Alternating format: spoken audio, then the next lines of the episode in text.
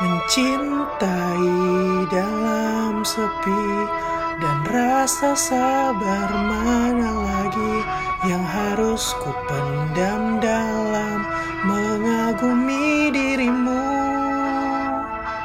Melihatmu genggam tangannya Nyaman di dalam pelukannya Yang mampu membuatku tersadar dan sedikit menepi.